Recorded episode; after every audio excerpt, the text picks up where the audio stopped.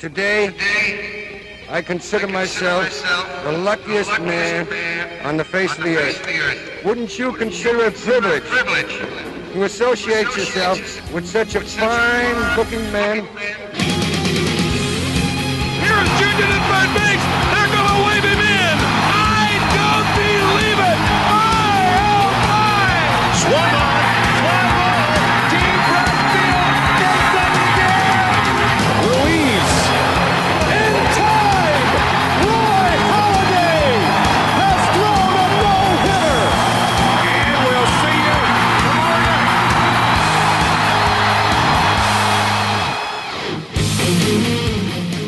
Ja, hallo en welkom bij alweer aflevering 10 van seizoen 2 van de Just a Bit Outside podcast. De enige echte MLB-podcast van Sport Amerika.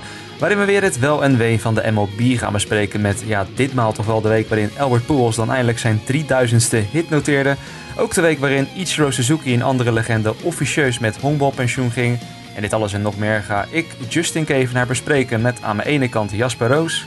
Hey Justin. Aan de andere kant Mike van Dijk. Hoi. En een, nou ja, toch wel nieuw gezicht en stem in deze show in Nick Telessi. Hey, goedenavond. Kijk, nou ja, dan zegt natuurlijk wel een nieuw gezicht en nieuwe stem. Maar goed, de oplettende luisteraar die natuurlijk eh, eerder dit jaar heeft geluisterd, die kent je nog van de, de, de, de veelbelovende prijsvraag die we toen hadden. Ken je ook waarschijnlijk als schrijver van wat stukjes op de site. En natuurlijk ook als toch wel eh, ja, de, de buschauffeur van de Giants Bagwagon. eh, jaar in jaar uit, kan ik toch wel stellen, of niet? Ja, nou ja, het ene jaar meer dan het andere jaar, maar het is weer een even jaar dit jaar, dat klopt. Ja, precies. Ah, en ze hebben allemaal wel onze, onze voorkeuren die we, ondanks dat we zo objectief mogelijk proberen te blijven, eh, af en toe door laten schijnen, zoals onze luisteraars weten. Gaan we even beginnen met onze eh, momenten van de week. Jasper, geef ik hem al eerst aan jou. Wat was jouw moment van de week? Mijn moment van de week gaat gepaard met een audiofragmentje. Dat heb ik even voor jullie en ik heb nog niet verteld wat dit is. En ik ga dat even voor jullie afdraaien en dan wil ik graag even weten of iemand van jullie toevallig doorheeft wat dit met honkbal te maken heeft.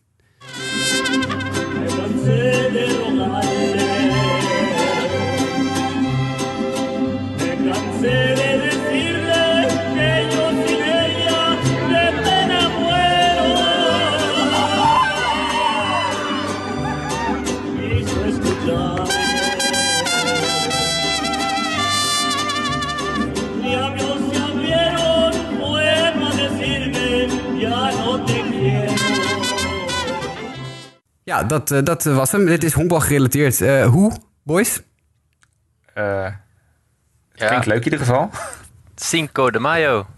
Ja, het heeft inderdaad met Ah. Cinco de Mayo te maken, maar wie horen we hier? Poeh. Nee, niemand, niemand heeft het meegekregen op Twitter. Matt Harvey. Nieuwe carrière. nee, ik, weet, Dit ik, heb, ik heb eh, voorbij gekomen dat het... Ik, eh, ik denk dat het bij de Indians was, maar ik weet het niet helemaal zeker. Nee, het is het niet bij de Indians. Zit wel in de juiste divisie. Jullie horen het zoetgevoiste stemgeluid van voormalig Baltimore Oriole en huidig Chicago White Sox werper eh, Miguel Gonzalez.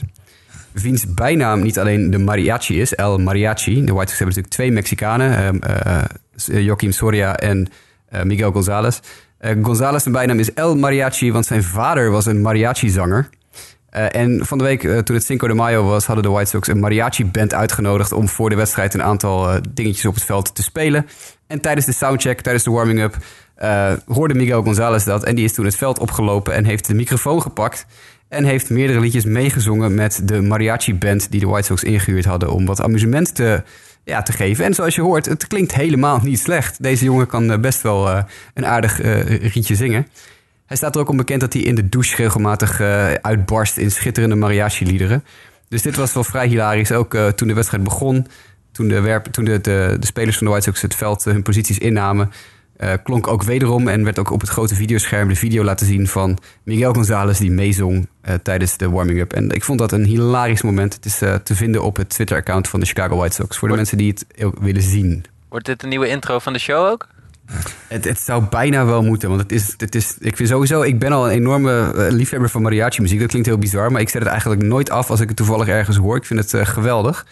En dit was dus, ja, het is hilarisch om die gast met zijn handschoenen aan bij de microfoon te zien staan. En gewoon uit zijn hoofd, het zijn blijkbaar heel bekende mariachi liedjes of zo, uit zijn hoofd alles mee te tetteren. Dus dat was een, eh, mijn- een van mijn gepatenteerde hele lange uitleggen en hele lange verhalen. Maar dit is mijn moment van de week. Nou ja, in ieder geval bedankt voor de, de muzikale bijdrage van deze week, Ja, eh, ik Jasper. ik doe eens wat anders, weet je wel. Ik Ja, bedoel, eh, over het honkbal van de White Sox hoef ik het niet te hebben. Dus wat dat betreft... eh, Nee, dat is dit inderdaad misschien wel, wel iets wijzer. Goed punt. Nick, wat was jouw moment van deze week? Ja, ja, ondanks dat je net al intro hoorde dat ik Giants-fan ben, is mijn eh, moment van de week van de Dodgers. Walker Buehler, die eh, in Mexico een gecombineerde no-no start. Hij gooit zes, zes scoreless en acht strikeouts, waarna Singrani, Garcia en Liberatore het afmaken. Ja, de eerste, eerste no-no op buiten de US en de eerste gecombineerde no-no van de Dodgers. Ja, Walker Bueller is een... Ja, goed. Ik heb zijn naam al heel vaak laten vallen de laatste... Nou, laten we zeggen, laatste jaar. Ik ben een ontzettend fan van Walker Bueller. Dit was inderdaad een, eh, een fraai moment, eh, Nick. Ja, we gaan het er later nog even over hebben, denk ik. Ja, we gaan het er zeker nog even over hebben, ja. Ja, precies. En nou, het is nog wel een van de lichtpuntjes van de, van de Dodgers, hè, die toch verder vrij teleurstellend zijn begonnen. Maar dit was inderdaad wel een wedstrijd waarin in ieder geval voor hun alles eh, op rolletjes liep, op werpersgebied in ieder geval. Mike, jouw moment van de week. Ja, de New York Yankees gisteravond, zondagavond, tegen de Cleveland Indians. Eh, ik eh, pak vaak op zondagavond nog even de laatste innings mee van een eh, vroege wedstrijd. En Cleveland staat 4-0 voor. Mike Clevenger staat gewoon fenomenaal te werpen. Je denkt niks aan het handje. En in de achtste en negende inning gaat het compleet, compleet de andere kant op. En dat zijn het typisch de Yankees die dan toch zo'n wedstrijd weten te winnen. Met een geweldige home run van, eh, van Gleyber Tor- Torres. Ja, walk-off, dat vond ik, dat was mijn moment van de week. Alhoewel in, qua ongerelateerde honkbalnieuwtjes eh de bullpen card zijn eerste appearance heeft gemaakt. Dus dat verdient wel een honorable mention. Ja, Dat dat was helaas geen Diamondback, hè? Die, eh, die de, Nee. de kaart voor het eerst gebruikte. Colin, Colin McHugh van de Houston Astros is de eerste speler die eh, op Chase Field met de bullpen card eh, naar de heuvel is gereden. Nou, moet je maar durven, hè? Als, zeggen van als eerste werper. Van, nou, weet je wat? Dat ga ik gewoon doen. Kom maar met een karretje. Precies, precies. Ja, mooi, mooi, mooi. Nou ja, over de Indians en Yankees nog wat mij vooral bijstond. Ik heb zelf eh, Cody Allen in mijn fantasy team. Dus ik, eh, ondanks dat ik eh, van de week in het buitenland was en niet alles meekreeg, kreeg ik wel mee dat Cody Allen het ook dit weekend niet, niet bepaald makkelijk had tegen de Yankees. Maar dat, eh dat, dat terzijde. Iets anders wat, nou ja, wat aan mijn moment van de week is en wat ik nog wel meekreeg in, die week dat ik even in het buitenland zat. Eh met Harvey. Ja, het is natuurlijk eh, al een tijdje gaat het al wat minder met hem bij de New York Mets. En ja, afgelopen week hebben de Mets eigenlijk de beslissing genomen, gezegd tegen hem, nou, ga maar naar Triple A toe. Waarop Matt gewoon zei van, nou, daar heb ik geen zin in. Dus ja, het lijkt nu tot een, tot een scheiding te gaan leiden. Waar uiteindelijk die scheiding hem terecht zal laten brengen. Daar zullen we het later nog even over hebben. En bespreken ja, wat, wat nu verder voor Matt Harvey. Ja, het is natuurlijk heel treurig. Ik bedoel, eh, op een bepaald moment was hij ineens daar de, de ace van de New York Mets. Een beetje toch wel eh, de man onder wiens... Nou ja, hoede is misschien wat overdreven, maar toch. Hè, toen begonnen echt de goede jaren, waarin uiteindelijk ook hè, men, men dicht bij de World Series kwam. Maar het is, het is eigenlijk vooral de afgelopen twee jaar gewoon huilen met de pet op. Vorig jaar eindigde hij het jaar al met een 6,70 ERA. En ja, dit jaar begon hij eh, als starter, daarna vanuit de bullpen. Maar het, het, het- ja, het, hij heeft alleen nog de naam. En het heeft verder gewoon geen waarde meer. En daarom snap ik wel dat de Mets afscheid van hem willen nemen. Of hem hier van de AAA willen sturen. Want ja, je hebt er gewoon niks aan. Het is heel treurig, maar eh, ja, het lijkt er in ieder geval op dat eh, we met Harvey in zijn topdagen niet meer gaan terugzien. Maar zoals gezegd, daar gaan we het later nog eens over hebben. Want een ander moment dat we hierin nog niet hebben besproken, maar wat we wel moeten gaan doen, ja, dat is natuurlijk dit moment. 1-0 pitch. There's a flare out to right field, and there it is. Hit number 3,000 for Albert Pujols. The fourth player in Major League Baseball history with at least 600 home runs and 3,000 hits. Joining Hank Garrett, Willie Mays, and Alex Rodriguez. Add Albert Pujols to that list. And what a moment this is for Albert with his teammates, his family here. History in Seattle here for Albert Pujols. Ja, en dan hebben we het natuurlijk over Albert Pujols en zijn 3000ste hit. Vorige week eh, bij mijn aanwezigheid, eh, jongens, hebben jullie het al enige tijd over eh, Albert gehad. En, nou ja, en, vooral zijn vroegere jaren van, van, zijn, van zijn carrière. Want nou ja, nu dus bij de Angels, hè, 3000ste hit genoteerd. En het is wel grappig, en in het draaiboek, Jasper, had jij een artikel gezet van, van Sports Illustrated. Waarin het toch ook wel anderzijds erover ging van eh, ja, hoe, hoe, hoe ja, opzienbarend eigenlijk zijn terugval is geweest tijdens zijn LA-jaren. Wat misschien gezien zijn leeftijd dan weer niet raar is. Maar dat het wel apart is dat ja, misschien wat jongere kijkers die alleen maar zijn vijf, zes laatste jaren in LA hebben gezien, die zullen denken van nou, is, dit nou een toekomstige Hall of Famer? Maar ja, als je die dingen, die, die jaren daarvoor erbij pakt, Jasper, dan, eh, ja, dan is er geen twijfel over mogelijk, toch?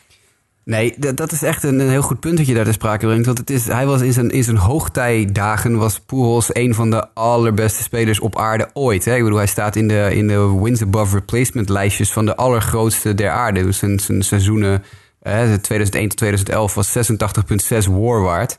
En dan staat hij in de rijtjes met, eh, met Willie Mays en Hank Aaron en Babe Ruth... die allemaal rond de 87, 88, 91. Mickey Mantle met 93 war. Alex Rodriguez met 94 war.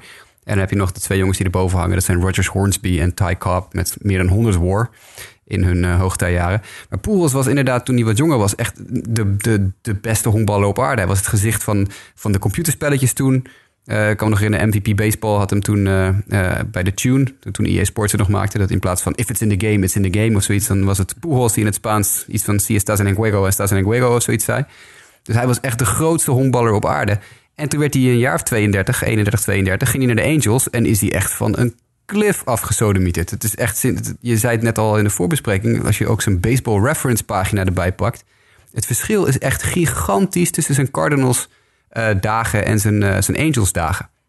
En één ding wat daar wel interessant bij is, en ik geloof dat Matt Trueblood van Baseball Prospectus daar uh, onlangs nog een artikel over geschreven heeft op de website. Ehm, dat is natuurlijk een hele vroege collapse eigenlijk. Meestal zie je honkballers pas hun 5, 36e, dan beginnen ze in te storten. En Poel is natuurlijk al op zijn 32e. Dat is eigenlijk veel te vroeg. En Matt Trueblood schreef een artikel over dat misschien de kans bestaat dat Pujols eigenlijk wel veel ouder is dan wij denken. Of veel ouder is dan uh, uh, hij altijd volgehouden heeft. Uh, want Pujols schijnt daar wat dingen over gezegd te hebben eerder dit seizoen. Dat hij dus misschien eigenlijk wel gelogen heeft over zijn leeftijd toen hij vroeg in zijn carrière zat. En die misschien dus wel een jaar of wat ouder is dan, dan dat. Dus dat, dat zou nog iets kunnen wat we eventjes in de gaten moeten houden.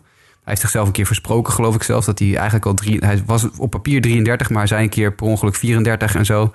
Dus dat, dat, zou nog iets kunnen zijn. Maar Poels is inderdaad in zijn latere carrière helemaal ingestort. En dat neemt niet weg dat hij een Hall of Famer is, denk ik. Maar het, het is wel iets om even. Uh, ja, toch eventjes een klein beetje in je achterhoofd te houden, denk ik. Ja, nou ja, goed, dan moet ik zeggen dat met die leeftijd, hè, dat kan dan misschien een, een, verspreking zijn. Ik moet zeggen, nu ik tegenwoordig wat ouder word, dan zeg ik ook liever altijd hè, dat ik net een jaartje jonger ben of zo. Of, uh, misschien dat, uh, maar goed, in zijn geval, hij zei dus dat hij een jaartje ouder was. Nee, dat is dan misschien wel, uh, wel apart. Dat zou je dan niet zo snel meer, meer zeggen. Maar, ja, het, het, zou best kunnen bestaan dat hij nog ouder is dan één jaartje hoor. Dat hij, ja, precies. Maar het is ook, ja, je, je, noemt het niet statistieken, maar als ik hier dan ook bijvoorbeeld kijk, die Baseball Reference altijd zo'n zo'n tabblaadje met awards, zeg maar, All-Star Games, MVP, Rookie of the Year, dat soort dingen. Ja, dat zie je ook in zijn St. Louis uh, carrière. Ik geloof, elk jaar zie je wel of dat hij in de MVP-race in de top 10, top 5 uh, eindigt of zelfs MVP is geworden. Ja, en dan kom je bij zijn Angels jaren en dan zie je nog, geloof ik, dat hij twee keer nou ja, echt helemaal aan de onderkant van de MVP-voting uh, terecht kwam. 17e tweemaal. En dan nog één All-Star game in 2015 en that's ja. it. Ja, als je dat afstelt tegen de, de, de zijn vroegere jaren, het is...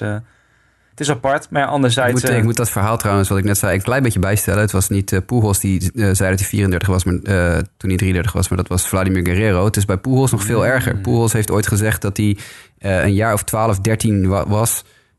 of zo, iets dergelijks. En dat hij 28 jaar later nog steeds giddy daarover was. Dat zou dus betekenen dat hij op dat moment, eerder dit jaar, 41 zou zijn geweest. Ja. Als hij, als hij de, de rekensom in zijn hoofd goed had gedaan. Dan is hij dus 41 en niet 36 of wat hij nu ook is. En dan maakt het zijn prestatie wel toch wel iets indrukwekkender in, uh, in hindsight. Ja. Maar ja, dat maakt het dan ook alweer uh, logischer waarom hij zijn beginjaren zo goed was. Either way natuurlijk een fantastische speler. En uh, ja, het is nog maar te bezien hoe lang die dan nog bij de Angels actief zal blijven. Want ja, echt een meerwaarde is hij eigenlijk al niet meer. Maar ja, het is wel een grote naam. En en hij staat nog steeds voor meer dan 25 miljoen dollar per jaar op de payroll. Precies. Ja. Dat is natuurlijk ook wel uh, toch een, op zekere hoogte een hindernis die dat, uh, die dat dan in de, in de weg staat. Uh, dus even dan van Pools overgaan op iemand anders die nou, eigenlijk rondom dezelfde tijd een naam ging maken in de majors. Natuurlijk Ichiro van de week bekendgemaakt dat hij stopt met honkballen. Of nou ja, officieus eigenlijk, want dat was een beetje een apart bericht. Ik, ook dit, dit bericht nam ik in de buitenland dat ik zat te lezen. En ja, wel wat apart verhaal. Hè? Van hij stopt aan de ene kant, maar hij gaat niet officieel met pensioen. Hij staat niet op een retirement list of dat soort dingen. Uh, dus met andere woorden, hij zou nog terug kunnen komen. En de reden die ik dan in ieder geval als laatste daarvan las, is dat de Mariners volgend seizoen gaan ze het seizoen openen in Japan. Naar verluid zouden de Mariners dan die, die openingswedstrijden willen gebruiken, omdat ze dan ook geloof ik een, een, een grote roster mogen meenemen naar zo'n internationale wedstrijd. dat ze dan Ichiro meenemen en dan Ichiro daar een, een afscheid in Japan willen gunnen. either way, voorlopig eh, gaat hij, het is heel vaag, hij gaat dus in het front office, eh, gaat dan wel geloof ik gewoon in zijn honkbalkleertjes af en toe meedoen met de warming-up en eh, ballen slaan, ballen vangen en dan zodra de wedstrijd begint gaat hij van het veld af. Maar ja, het, eh, zijn carrière zit er zo goed als op. Eh, ja, ik eh, natuurlijk als Mariners sympathisant. eh, aan de ene kant jammer, aan de andere kant ja, ik bedoel... De man, het, is maar, maar het, het komt inmiddels natuurlijk wel een keer tot een einde. Ik bedoel, het is ongelooflijk dat hij nog zo lang doorging. Dat hij natuurlijk ook nog in Miami nog steeds natuurlijk een paar jaar, eh, een paar jaar meeging. Maar ja, er komt natuurlijk gewoon een einde aan. Ik bedoel, de beste man, ik ben inmiddels zijn leeftijd kwijt, maar hij is hier uit 1973. En dat maakt hem dan, zeg ik even uit mijn hoofd. 45 inderdaad. Ja, nou ja, 45. Het is natuurlijk onvoorstelbaar. 44, dat je- 44. Hij Hij, moet nog hij is 45 nog worden. 44. ja. Hij moet nog 45 worden. Ja. Ah, oké, hij Maar moet nog was- maar ik was 45. ervoor. Ja. Precies, hij moet nog 45. Maar de, either way, ja, als je over je 40 bent en dan nog toch, toch zo lang zo'n degelijk niveau hebt kunnen halen, dat is natuurlijk onvoorstelbaar. En het laatste wat ik er dan nog over wil zeggen, ik zelf was dat ik hier van Jason Stark zag, eh, die had een tweetje. In de laatste 90 seizoenen waren er slechts twee spelers die in een periode van 10 jaar eh, minimaal 200 hits hadden en een, een 320 batting average eh, over die 10 seizoenen. En de enige andere die dat was, was Stan Musial van 1946 tot 1955 en Ichiro van 2001 tot 2010, dus tijdens al zijn Seattle-jaren. Eh, ja, dat geeft denk ik wel aan hoe, hoe goed Ichiro was. En ook, want ja, ik heb dat dan niet echt meegekregen toen hij destijds debuteerde. Ik denk bijvoorbeeld dat jij, Jasper, dat wel iets, iets, iets meer hebt meegekregen destijds. Maar ja, hij was al wel wat ouder natuurlijk toen hij ook de majors inkwam.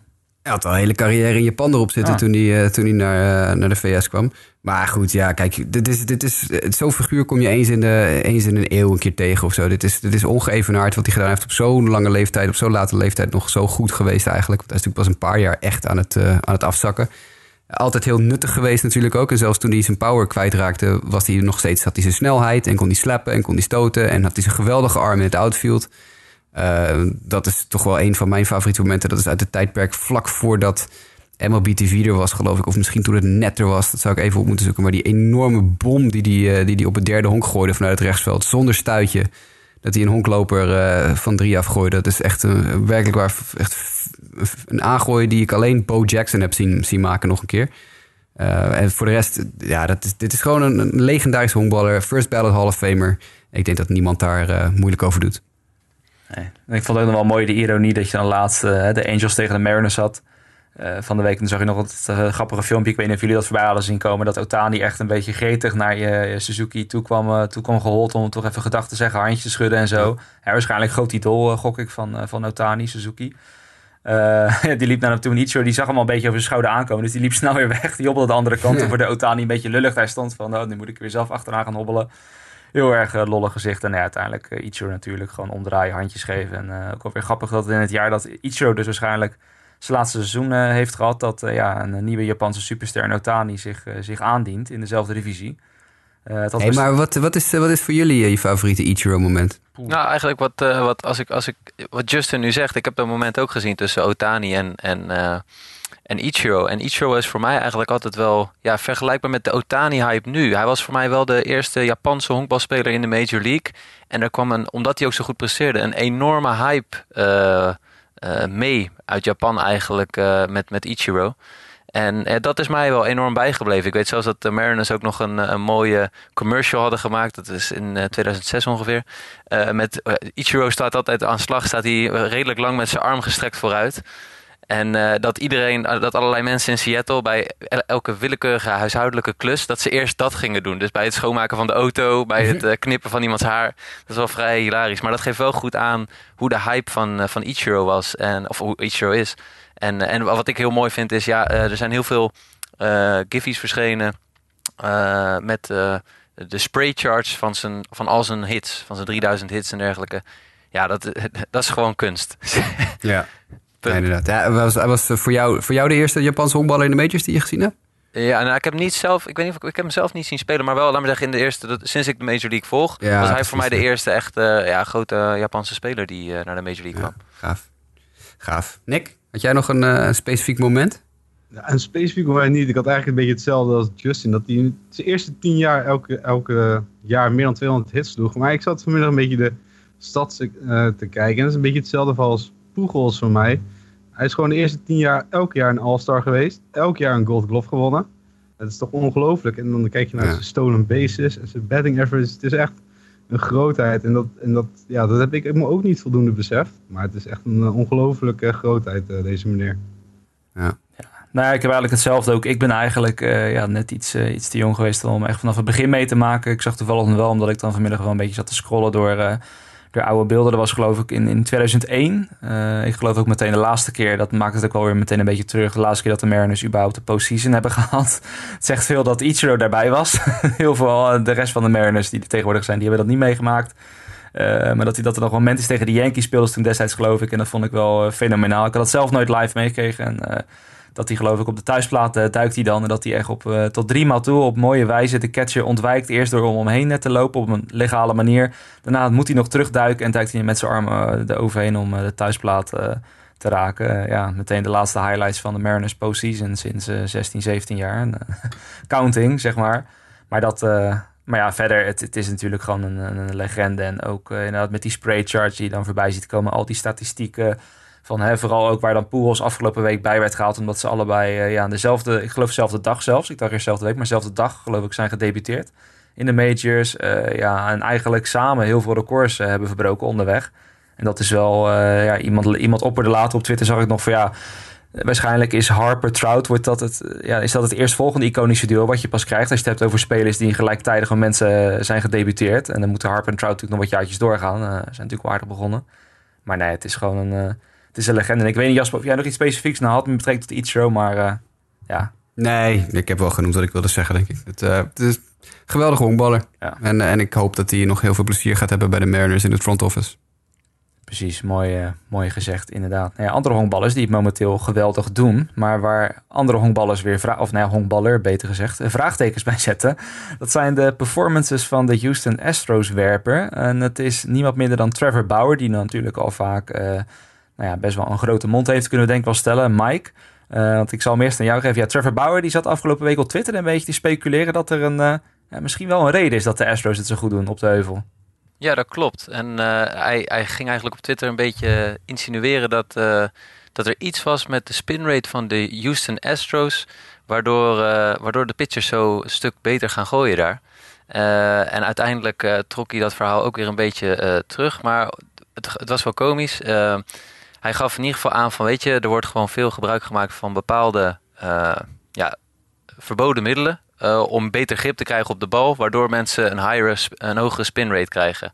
En uh, wat hem betreft, dat heeft hij toegelicht, toegelicht op de vragen erover, zouden we gewoon moeten erkennen van jongens, dit gebeurt en laten we het gewoon legaliseren eigenlijk en toestaan in de game. Want dan weten we in ieder geval dat iedereen goede controle heeft of betere controle heeft over zijn pitches. En dat, dat debat wilde hij eigenlijk starten, bleek een beetje. en het, Trevor Bauer is ook iemand die studeert een beetje uh, het spelletje en die gaat daar echt een beetje zelf zijn eigen analyses op doen. En het komische was wel, hij had zelf dus uh, in zijn laatste start daarvoor tegen de Rangers in de eerste inning een spin rate die 2 300 rates per RPM hoger was dan zijn seizoensgemiddelde. En toen hadden ze gevraagd van joh, wat is ongeveer het gemiddelde dat je harder gooit qua, RPM, qua spin rate? En toen werd gezegd, ah, dat zou 200 kunnen zijn. Dus heb je er ook gebruik van gemaakt? No comment. ja, fantastisch van Bauer natuurlijk. Hij speelde het wel slim. Ik, ik bedoel, het raakte op deze manier wel uh, de, de, de juiste mensen, denk ik. En hij heeft natuurlijk ook best wel een punt, denk ik. Met, hij doet natuurlijk zijn eigen onderzoek bij Driveline Basis elke zomer. En daar was inderdaad uitgekomen dat je tot 2 tot 300 RPM kan toevoegen. Nou ja, dat is wel precies het, het, het verschil wat Verlander heeft met bijvoorbeeld van de Tigers naar Houston. Dat is toch opvallend. Ja, nou, het grappige is wel, ik zag dan wel van de week, hè, want er was meteen volop, uh, volop aandacht voor. Uh, vooral op de Astros ineens, waar veel mensen naar keken. Er was geloof ik Lance McCullers, die in een nogal nou ja, raar ogende schoen op, de, de heuvel steunt. Het leek inderdaad een beetje alsof er plakkerig spul op zat. En toen later, toen ging hij nog op Twitter en toen zei hij nog, in het, zei hij nog heel mooi... Y'all ass, let me wear my cleats in peace. En dan had hij een video erbij waarin hij liet zien dat het gewoon ja, zijn, zijn favorite cleats zijn, zeg maar. Zijn gelukscleats zijn geluksschoenen, uh, ja, die gewoon zoveel jaren al meegaan. Daardoor zo oud zijn dat er een gat in zat. En dat heeft hij dus met een beetje plastic en blijkbaar wat superglue of zo vastgelijmd. Maar ja, daardoor leek het dus inderdaad alsof er een, alsof er een bepaalde substantie op zat. Maar ja, McCullers die vuurde meteen terug op Twitter en die zei van... nou, dit is allemaal onzin, laat mij gewoon rustig op de heuvel staan. Maar het is, ja, ik moet zeggen, ik vind het wel een mooie week. Ik bedoel, we, we, kennen het vooral bijvoorbeeld van andere sport van de NBA... waar vaak sporters over en weer op Twitter een beetje een beetje loopt te stoken. En Trevor Bauer, ik vind het op zich ik vind het wel leuk. Het is wel vermakelijk. En ja, wie, wie weet zit er nog wel een, eh, een kern van waarheid Ja. in. Ja, er zit, er zit de kern van waarheid in. Want het, eh, als je de verschillende boeken leest over de minor leagues en dergelijke. En eh, wat er in de bullpen eh in bepaalde tassen zit. Eh, aan, aan zonnebrandcremes die gemixt met, eh, eh, wat is het? de Rosenback in één keer een hele kleverige ja, substantie vormen. Waardoor je betere grip krijgt. Allerlei dat soort dingen. Maar hij wil gewoon het, de discussie starten van... joh, laten we nou gewoon erkennen dat dit gebeurt... en, en er een goede regelgeving op toepassen. Maar ja, het, het is Trevor Bauer om daar weer op deze manier een scène over te maken, zeg maar. Trevor die gaat weer op een specifiek team in. Hij had het anders moeten doen. Hij had niet de Astros moeten beschuldigen. Wat hij eigenlijk wel deed. En later inderdaad zijn keutel weer introk. Wat een beetje zwak was van Trevor. Want Trevor kennen we toch allemaal als ja. Hij heeft zijn mondje klaar. En daar moet je er ook voor gaan staan, vind ik. En niet zeggen van eh, no comment als je, als je dan eh Pine Tar blijkbaar hebt gebruikt. Eh, ga gewoon staan voor wat je, wat je zegt en niet, eh, niet dit. Dat vind ik. Ik vind Trevor Bauer een ontzettende zak hooi. Dat weten, ieder- weten jullie, weten dat waarschijnlijk wel. want Ik heb het al een paar keer gezegd. Hier heeft hij wel gewoon gelijk in. Ik vind het een ontzettende, ik vind het ontzettende eh, flapdrol, maar dit, hier heeft hij gewoon gelijk in. Ik zie er geen enkel probleem in om op een bepaalde manier dit te legaliseren. Iedereen wordt daar gelukkig van. Pitchers hebben betere grip. Werpers eh, of eh, slagmensen hebben dan eh, minder het gevoel dat er ineens een 100 mijl per uur projectiel naar hun hoofd gegooid kan worden per ongeluk als pitchers betere grip hebben. Ik denk dat niemand hier een probleem mee heeft. Dus reguleer het gewoon. Net zo goed als je met bepaalde soorten drugs kan doen, kan je dit prima reguleren. En dan gaan ze natuurlijk toch gaan er weer mensen ook vals spelen. Maar dat, dat hou je altijd. Dat is inherent aan sport. Maar geef, geef, geef, die- geef die jongens een plakkerig iets op zijn pols. Joh, maakt het uit. Ja, ze doen het al. Dus, dus ja, laten we het eerlijk houden. Precies. Ja, ik zat nou alleen snel, maar mijn MLB-app die wilde helaas niet meewerken. Die crasht nu al twee keer. Wel even snel te kijken wanneer de Indians de Astros tegenkomen. Dat wordt natuurlijk wel eh, interessant. Ze zullen elkaar ongetwijfeld nog wel tegenkomen. Eh, ja, dan wordt het natuurlijk feesten. Vooral met Trevor Bauer op de heuvel. Dan ben ik wel benieuwd wat dat gaat, eh, gaat opleveren. Maar dat zullen we dan te zijn de tijd eh, in de gaten eh, moeten gaan houden. Nou, volgende week al. oh, ja, volgende ik week al. net Kijk. zeggen. Ja. Ja, want ik zat net eens te 19 mei. kijken. Kijk. 19 eh, mei, 20 mei, 21 mei en dan 25 mei, 26 mei en 27 mei weer. Kijk, dat gaan we vast omcirkelen in onze agenda natuurlijk. dat, wordt wel, eh, dat wordt wel leuk, maar goed. Dat, eh, Vooral Bauer, Bauer tegen Bregman. Houd het in de gaten. Want dat, Ja. dat, dat, ja, was ja, ja, degene die begon tegen Bauer. Van, eh en de World Series, dit en dat. Ja.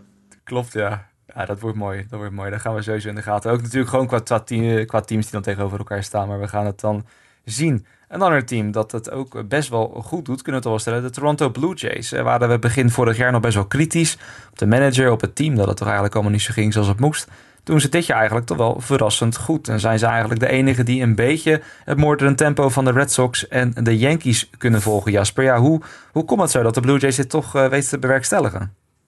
Ja, eh, laat ik even beginnen met het feit dat ik net breaking news op mijn telefoon binnenkreeg. Eh, dat gaan we heel even tussendoor gooien. Eh, we hebben het een paar keer over gehad over de trade van Steven Piscotty van de Cardinals naar de Athletics om bij zijn moeder te zijn die aan ALS leidde. En de moeder van Steven Piscotty is overleden. Dus dit is even een, een momentje dat...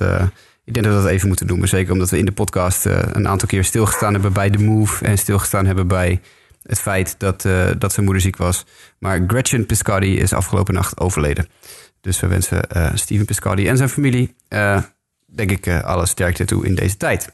Zeker, ja, 100%. Ehm, dat was even een kort stukje breaking news. Waar, waar komt het succes van de Blue Jays vandaan? Ja, dat is, vind ik heel opvallend. Want we hebben vorig jaar natuurlijk de Blue Jays heel slecht zien starten aan het seizoen. Wij riepen toen in de podcast ook al om het hoofd van John Gibbons, de manager. Van, nou ja, goed, dus dit team presteert helemaal niet. Eh, hij is de eerste manager die eruit gaat vliegen. Nou, dat werd niet zo. Hij bleef gewoon. En dit jaar zie je ze langdurig alweer zonder Tulowitzki. Al meerdere weken zonder Josh Donaldson, die net terug is weer. Maar toch een aantal weken al zonder Josh Donaldson. En de Blue Jays doen het eigenlijk heel verrassend goed. Heeft dat dan misschien iets met de trades te maken? Ze hebben een Jan Hervis Solarte erbij eh, van de Padres overgenomen... die het fantastisch doet op dit moment. Die staat echt als een bezetene te spelen en te slaan. Heel nuttige speler natuurlijk. Kan op heel veel verschillende posities uit de voeten. Eh, is het dan toch misschien de coaching van Gibbons? Eh, op een of andere manier klikt dat of zo. Ze hebben natuurlijk een paar andere nieuwe jongens erbij... die nog niet zo super goed doen... maar ook wel misschien een, een nieuw, nieuwe balans geven aan dat team... Ehm, ik, heb er niet echt een antwoord op. Ik heb eventjes een paar stats opgezocht. Ik dacht bijvoorbeeld, misschien is het een verbetering met de, het aantal runners in scoring position bijvoorbeeld. Eh, als je kijkt naar wat de, de club vorig jaar deed, in 2017, pak ik eventjes mijn statje erbij. De Toronto Blue Jays stonden vorig jaar eh, met runners in scoring position eh, op een vijfde plek van... even kijken, van onder of van boven, even goed selecteren. Vijfde plek van boven, eh, in, de zin dat ze het meeste runners achterlieten op scoring position, in scoring position. Dit jaar staan ze op plek 16, substantieel in de middenmoot. Dus het verschil is eigenlijk in hun nadeel. Dus ze stonden eerst op 3.14 eh, eh, left in scoring position en nu op 3.5 left in scoring position. Dus ze laten in principe meer lopers achter op de honker. Dus dat is het in ieder geval niet. Ze zijn niet meer clutch dan vorig jaar. Wat, mij, eh, wat bij mij boven komt is eigenlijk... Nou, A, dat ze vorig jaar rond deze periode pas 7 overwinning hadden. Eh, B, pitching is fit. En eh, C, eh, hitting gaat volgens mij iets beter dan vorig jaar. Want vorig jaar hadden ze echt een paar spelers die hopeloos uit vorm waren bij de start van het seizoen. Ja, en, Ja. en C is ook wel dat ze tegen de kleinere ploegen op dit moment het heel goed Ja, doen. hè. Tegen dat de is Red- het. Tegen de Red Sox en de Yankees is dit moment allebei nog negatief. Ja, dan moeten ze toch tegen opboksen. Dus ja, Ja, want inderdaad, de slaggemiddelden zijn niet om over naar huis te schrijven. De enige die een beetje staan te slaan zijn Justin Smoke, eh, Solarte, eh, Granderson en Pilar. En de rest is ook gelijk echt een enorm, eh, enorme valpartij naar onderen. Allemaal, allemaal Mendoza-line kandidaten. Ook Donaldson staat niet zo goed te slaan nog. Maar ik denk inderdaad, wat, wat Nick zegt, dat dat een best een punt is. De pitching is weliswaar fit, maar nog niet heel goed. Garcia een ERA ruim over de 6. Stroman een ERA over de 7,5. Estrada in de lage 5. Eh, Sanchez over de 4. Eigenlijk alleen J.A. Happ die het redelijk doet. Eh, wel een buitengewoon sterke bullpen tot nu toe. Dus misschien dat dat ook, ook al een beetje, ja, misschien wel Jongens een als beetje Clippert en daarmee, O. eh, ja, Clippert. Oh, man, hou op, schei uit. Eh, en, en, Sangwon O inderdaad, die heel goed zat te gooien. Ryan Tepera, die goed zat te gooien. Ze hebben natuurlijk een fantastische closer. Zelfs John Axford is op zijn 35 staan. Is zijn tweede jeugd begonnen bij de Blue Jays met een 1,65 ERA. Dus ja, het, het is... Het is Hoe staat het met zijn spin rate? Nee, sorry, geintje. ja. ik, ik denk toch serieus dat als je kijkt naar, eh, naar wat Nick net zegt, hun programma is gewoon eh, is niet zo heel ingewikkeld geweest. Nog, ze kunnen vrij goed eh, de mindere teams achter zich houden.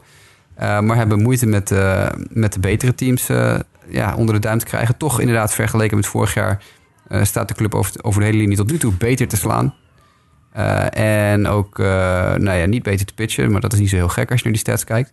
Dus ja, de, de offense en de bullpen zijn verbeterd. En, en, en inderdaad, gecombineerd met het programma, denk ik dat je dan de, het succes hebt wat de Toronto Blue Jays op dit moment doormaken. Ja, alleen het grote nadeel is er natuurlijk wel tegelijkertijd. Hè, ze zitten dus inderdaad met de Red Sox en de Yankees opgescheept. Dus binnen de eigen divisie hoeven ze denk ik geen illusie te maken dat ze daar echt eh, mee kunnen gaan doen. Om in ieder geval de, de bovenste plek. En dan kom je bij de wildcard uit. Ja, en dan zie je voorlopig dat de NL West natuurlijk ook heel sterk vertegenwoordigd is. Met de Angels en Astros allebei met 21 wins. Dus een van hun twee. AL West. Of AL West inderdaad. eh, waar dan de Astros momenteel de tweede wildcard zouden hebben. En ja, als de Angels dit tempo dan ook volhouden. Je hebt ook Seattle trouwens, hebben ook 19 overwinningen. eh, dus ja, dat is dan wel een en enige die, eh, nadeel. De Twin, Twins Indians, welke van de tweede divisie niet wint, blijft ook waarschijnlijk wel in de race nog voor de wildcard. Precies, als, ondanks eh, dat inderdaad het de Central wat achterblijft. Maar ik bedoel, in de, Ja, de ja. long run inderdaad eh, zal het zich allicht ook wel gel- gelijk gaan trekken. Dus ja, het, het zal wel een heel voor ze worden. Maar goed, dat is aan de andere kant ook de AL East. eh, dat weet elk van die drie ploegen elk jaar. Of je Ja. zit met de Red Sox en de Yankees, dan moet je tegenop boksen. Eh, en het is zoals het is. En ze doen het in ieder geval een stuk beter dan de Orioles bijvoorbeeld. Want ja, die kunnen natuurlijk al gewoon eh, begraven als het ware. Dat is echt, eh, ja. dat is echt niet Machado. best. Ja, Ja, Free Machado. Zo, waar gaat die heen? Even tussendoor, waar gaat die heen? Dodgers. Als je er nu geld op moet zetten. Dodgers, ja? Vervanging van Corey Seager? ja, ja, panic button bij LA. Op een gegeven moment, als, als, het, als LA zo door blijft gaan, dan denk ik wel dat eh, ze een move gaan maken voor Machado. Ja, ze hebben geen korte stop meer. Hè? Seager is er zeker nog eh, een jaar uit. Dus eh, Ja, maar ze kunnen niet echt, hè, want dan gaan ze natuurlijk over die luxury tax heen. En dan zijn ze volgend jaar een beetje handen gebonden. Dus dat zo, zie ik niet zo zien. eh, gebeuren. Nou, maar dit, Machado zijn contract is op, hè? Dus wat- als, Nick het, of als, sorry, als Mike het heeft over een paniekmove voor dit jaar... dan zouden ze kunnen zeggen van... we, we maken gewoon die move voor Machado dit jaar... en we laten hem in de offseason weer lopen. Ja, ja, maar dan krijg je natuurlijk wel het gedeelte van dit jaar er nog bij. Van Machado. En dat is net iets, dan gaan ze er net overheen, geloof ik. Oh ja? Oké, ja, dat, eh, dat zou kunnen. Ja, nee, dat is, wordt het dan ook wel moeilijker. Eh, nee, maar moet in ieder geval Nee, het ja, weg uit Jullie, Baltimore. jullie, zou ik nog, jullie nog suggesties? ja, ik zit even te denken. Ik bedoel, Yankees hebben waarschijnlijk hetzelfde probleem. Die, zit, die komen, ook, komen ook al behoorlijk aan een, eh, aan een luxury tax tegen die tijd. Zeker met Stanton erbij. Brewers. Misschien. Brewers, wie hebben die op kort nu? Eh, Ja, Arce- ja, die, ja. Arcia, ja, dit is wel hun, eh, toekomst natuurlijk. Die doen het niet zo heel goed nog dit jaar, maar dat... eh, kan nog komen. ja, ik weet niet. Ik, eh, ik denk wel dat de Orioles er moeten lozen. Maar ik zou niet weten wie er zo 1, 2, 3 staat te springen om eh, een Machado voor vier maanden over te nemen. Nee, dat, dat zeiden ook al meer mensen. Misschien moet je hem gewoon nu traden. Hè? 60 games extra van Machado. Ja, precies. Maar ja, krijg je er dan de volle map voor? Want zijn teams nu al genoeg in paniek naast de Dodgers om een, om een move te maken? Nee, nee, want Ja, dat denk ik ook niet. Iedereen heeft nu nog een beetje zoiets van, ah, het trekt wel bij. We hebben een moeilijke eerste maand gehad, maar het weer, of maar de ballen, of maar blessurepech, of weet ik veel. Dus ik denk niet dat je nu volle map krijgt voor Machado. Ik denk dat je, dat je eh, de maximale prijs krijgt voor hem als je hem rond de trade deadline verkoopt. Maar ja, dan heb je natuurlijk ook maar het, het, het principe van, oké, je gaat nu voor 2,5 maand ergens anders spelen. En da- daar zitten teams natuurlijk ook niet echt op te springen. Nee. Nee, het is inderdaad, als je kijkt naar die teams inderdaad, die het dan eh, goed doen en heeft ook contenders zouden zijn, dan zit inderdaad niet echt een natuurlijke match bij. Dat ik zou zeggen van eh, dat team moet, ja, heel misschien de Cubs, zou dat heel gek zijn? Of? Addison Russell, ja, nee, dat gaan ze niet doen. Nee, oké, Ze maar Bryant op drie en Russell op kort. Dat is, eh, ik zie daar niet, eh, niet heel veel nut voor Machado. Nee, oké, maar goed. In de trant van een echt wanhopig team misschien dat zegt denken van, Ja. nou, dan kunnen Russell even naar achter schuiven voor vier maanden en dan Machado eh Cardinals? gaan, maar, ja, denken, Cardinals. die hebben dan... eh, Ja, Paul de Jong, ja, hebben ze ook net eh, een contractverlenging Ja, aangeboden. Dus dat schiet Ja, ook niet op. Hoewel, ja, Colton Wong die is niet zo goed bezig natuurlijk. En Paul de Jong kan ook tweede honk spelen. Dus dan kan je ook Paul de Jong eventueel naar de plek van Colton Wong schuiven. En Machado op kort zetten. Dan heb je wel een veel betere aanval. Als Machado misschien niet vasthoudt aan zijn per se Ja, stop willen spelen. ja precies. Nou, Nou ja, Yankees hebben nu natuurlijk Andujar. Ja, ja anderhalf drie en, eh en Didi op kort. Dus dat gaat hem ook niet worden. Ja, ik weet het niet. Wordt leuk. Maar dat Dus was even tussen... ja. Maar dat hij in ieder geval in Baltimore blijft, die kans lijkt niet heel momenteel. Dat is in ieder geval zeker. Want eh, ja, zelfs al... ik bedoel, de Orioles zijn momenteel ook zo slecht. Er zit totaal geen incentive voor hem in om daar langer te blijven. Die, eh, die gaat Nee, gewoon weg aan het Die gaan voor de, de nummer 1 overall pick volgend jaar, de Orioles. Ja, precies. Het was leuk die run van een paar jaar, maar dat is dan weer een beetje het treurige lot van de Orioles. Blijven nog wel even in de divisie, want nou goed, we hadden het er net dus over. Hè. De Yankees doen het goed, de Blue Jays doen het goed en de Red Sox staan nog steeds bovenaan. Die doen het uitzonderlijk goed. En dat komt grotendeels door niemand minder dan Mookie Betts, Mike. Want ja, Mookie Betts die is, zoals we mooi zeggen, aan fuego. Ja, niet te zuinig. Hij sloeg eh, zijn vierde drie-homer game. In de, dat is, eh, laat ik zo zeggen, dat is vrij indrukwekkend. En Ja. ik verwacht het ook niet zo snel als ik de naam eh Mookie Betts eh, voorbij zie komen, als ik eerlijk ben. Maar het grappige was ook wel, een paar dagen daarvoor was hij eh licht geblesseerd aan de hamstring. Nou ja, hoe kan je de spanning op je hamstring verminderen? Sla gewoon eh, zodat je rustig kan lopen. Ja. Dus eh, dat is één eh, manier om dat te doen. Maar hij is eh, in de wedstrijden daarna wel geraakt op zijn rug door een pitch. En is nu wel day-to-day. eh, wat betreft eh blessureleed. Maar deze jongen staat heel goed te spelen op dit moment. En lekker te slaan. En een quizvraagje tussendoor. Eh, ik weet dat Jasper even niet mee mag doen. Maar ehm, gegeven zijn drie home run games. Hij heeft er nu meer. Hij heeft er met vier heeft hij er meer dan de nummer twee op de lijst. En wie is dan de nummer twee op de lijst? Dus die drie, drie, run home, eh, drie home run games op zijn naam heeft staan. ja doe, gok jij? Ja, Bo- Boston is ook niet mijn expertise, jongen. Ik zit ook te denken. Nou, dit is wel een grote naam, laat ik hem zo zeggen. Oh, eh, Ted- Williams. Ja, dat is hem. Ik Dat zit is hem. inderdaad ja te knikken. Kijk. Ja, dat Ja, eh, klopt. ja, Heel ja. goed. Netjes. Netjes. ja, dat is een logische. Maar Mookie Ik denk, Betts. ik denk jullie gaan David Ortiz zeggen, maar dat... eh, nee, het was eh, Teddy Williams. Nou ja, dus zat ik dus inderdaad te denken. Ik dacht, nou, dat zou, dat, dat zal waarschijnlijk wel een beetje recency naam, bias zijn. hè, dat, eh, Ja. Het is wel echt indrukwekkend hoor. Ik, ik bedoel, ik had dit niet echt eh, van hem verwacht. En als je gewoon kijkt naar zijn, zijn statistieken op dit moment. Hè, slaggemiddelde van 3,55, 13 home runs, al 26 RBI's. Ja, dat is, eh, hij is echt enorm goed, eh, goed in vorm. En wat, zijn jullie, eh, wat, wat vinden jullie van Mookie? Verdedigend ook echt fantastisch natuurlijk. Het is gewoon een all-around eh, fantastische speler. Ja, vorig jaar stelde hij natuurlijk een beetje teleur na, na die echte breakout season het jaar daarvoor. Dat zou je net zien dat ik hem nummer 2 draft in de fantasy vorig jaar en dat hij dan eh, net niet presteert. Maar eh, ja, hij, hij moet, ik vind dat hij misschien wel iets meer gebruik moet maken van zijn van zijn speed nog on the basis, zeg maar. Dat is het enige. Ja. Ja, Jasper, jij nog iets toe te voegen over Mookie Betts? Nee hoor, eh, gaat lekker. Hoop dat hij zo doorgaat. Kijk. MVP-kandidaat als hij zo doorgaat. Zeker. Dat, dat zeker, ja. Dat zeker, ja. En dan als we het dan even bij blijven bij spelers die het goed doen, of een beter gezegd een team dat het ook goed doet. De Atlanta Braves. Eh, nou ja, Jasper, jij was natuurlijk aan het begin van het jaar best wel positief over de Braves. Jij zag wel kansen voor hun en een jonge kern. En vooral nu die jonge kern eh, nou ja, steeds meer tot vorm komt. Want onze landgenoot Ozzy Albies zat natuurlijk al in de majors, maar er zijn wat spelers bijgekomen de afgelopen tijd. En dat maakt dat de Braves toch wel ineens in de ja, tot nu toe hele spannende NL East. Verrassend genoeg, want de Nationals laten het een beetje afweten dat ze er heel goed voor staan, of niet hè? Ja, ik, eh, ik was inderdaad de buschauffeur van de, van de Braves-bus eh, binnen de redactie van Sport Amerika afgelopen, wat was het, maart, toen we dat eh, invulden. Ja. Ik zat even te kijken of ik inderdaad ook het hoogste was op de Braves van iedereen. Er was nog één iemand die het met me eens was, twee, drie mensen nog met me eens. Even kijken wie dat zijn. Hans uiteraard, want Hans is een Braves-fan. En Tim en Nico waren het ook met mij eens. Dus wij zitten met z'n vieren voorin eh, de Braves bus. En dat, eh, tot nu toe maken ze dat fantastisch waar. En inderdaad, wat je zegt, ze hebben Ozzy Albies hebben ze al gezien. Dat, die was toen de jongste speler in de majors. Daar kwam Ronald Acuna nog bij. Toen hadden ze de twee jongste spelers in de majors. En afgelopen week kwam Mike Soroka erbij, de werper. En nu hebben ze de drie jongste spelers in de Major League. Want die jongens die zijn allemaal een keer krap 20. En Soroka had een fantastisch debuut. En, en eh, nu wordt er heel geheimzinnig gedaan over van ja, hij gaat, zijn tweede, hij gaat nog wel een volgende start maken. Maar je zet die gozer niet op je 40-man roster als je hem niet gaat gebruiken. Zeker niet als hij, zolang hij het goed blijft doen. En daar is bij Soroka is daar wel eh, reden voor om dat te denken dat hij dat gaat doen. Dus, eh, en had je nog natuurlijk de, de, de, de, de Teheran eh, no-no tot in de zevende inning van afgelopen week. Dus die staat ook ineens weer hartstikke goed te gooien. Ik denk dat de Braves precies laten zien waar ik in de preseason al op de, de trommel liet slaan. Dit team is veel beter dan heel veel mensen denken. Ja, ja en ik moet zeggen, want eh, oké, natuurlijk vanwege mijn mensen met sympathieën heb ik nooit zo heel erg veel met de Braves. Maar zelfs ik moet wel toegeven, het is wel een heel leuk team om naar te kijken zo, weet je. Het is gewoon, kijk, met die Braves teams van vroeger, dat waren vaak hè, met een Chipper Jones en zo. En natuurlijk, Chipper was een geweldige speler, maar dat, waren allemaal wat oudere gasten. En dat was, ja, na een tijdje, ik vond het gewoon niet meer zo heel leuk om naar te kijken. Eh, maar dit, ja, weet je, het is een jonge kern, leuke, talentvolle gasten, eh, nieuwe namen.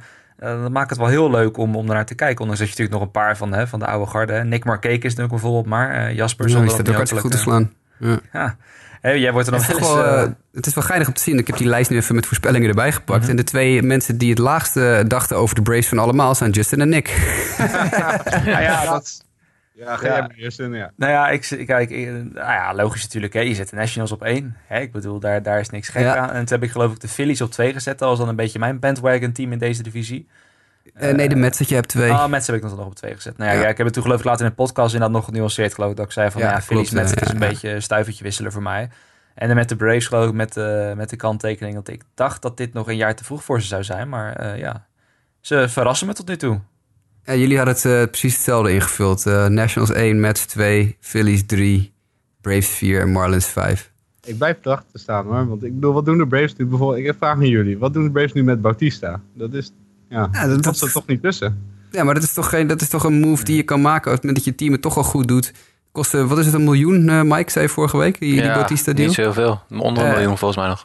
Is het niks, dan doe je hem weer weg. En is het wel wat, eh, heb je er nog wat aan, dan heb je ervaring in dat ontzettend jonge clubhuis. Want ze zijn fief, echt verschrikkelijk jong, die Braves. En dan moet je natuurlijk inderdaad van die gasten als Markakis even tussendoor hebben. De, de ervaring van Dickey en Cologne is allemaal weg. De veteranen zijn nu Markakis, ik denk Brandon McCarthy.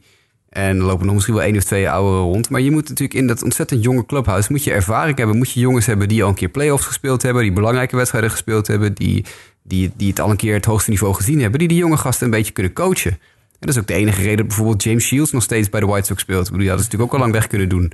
Maar nee, James Shields is een fantastische coach... en die is er alleen maar puur om de jongens dingen te leren. Nou, daar kan je dus een gast als Bautista voor 1 miljoen...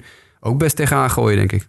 Of hij de majors überhaupt gaat halen nog, dat is natuurlijk maar de vraag. Want hij is nog steeds in de minors aan het, eh, aan het optrainen. Maar ik bedoel, ja, Batista zit toch nog in, tri- in Triple A nu?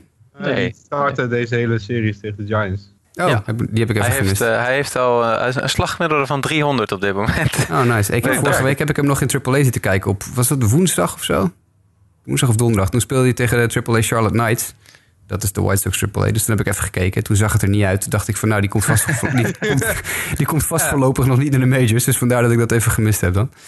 Ehm, maar ja, goed. Ik bedoel, eh, ervaring. Ik denk dat het puur voor de ervaring is. Sterker nog, sterker nog, ik wil even dit eh, opmerken. Iemand in onze league heeft eh, José Bautista opgepikt. Echt waar? Meen je niet? Ja, dat ben ik geweest. het Leiden Ik zit nu net pas te kijken, heb ik eigenlijk mijn claim? Ja, ik heb hem gekregen, ja. ja. Voor 1 miljoen eh fab dollars, of niet?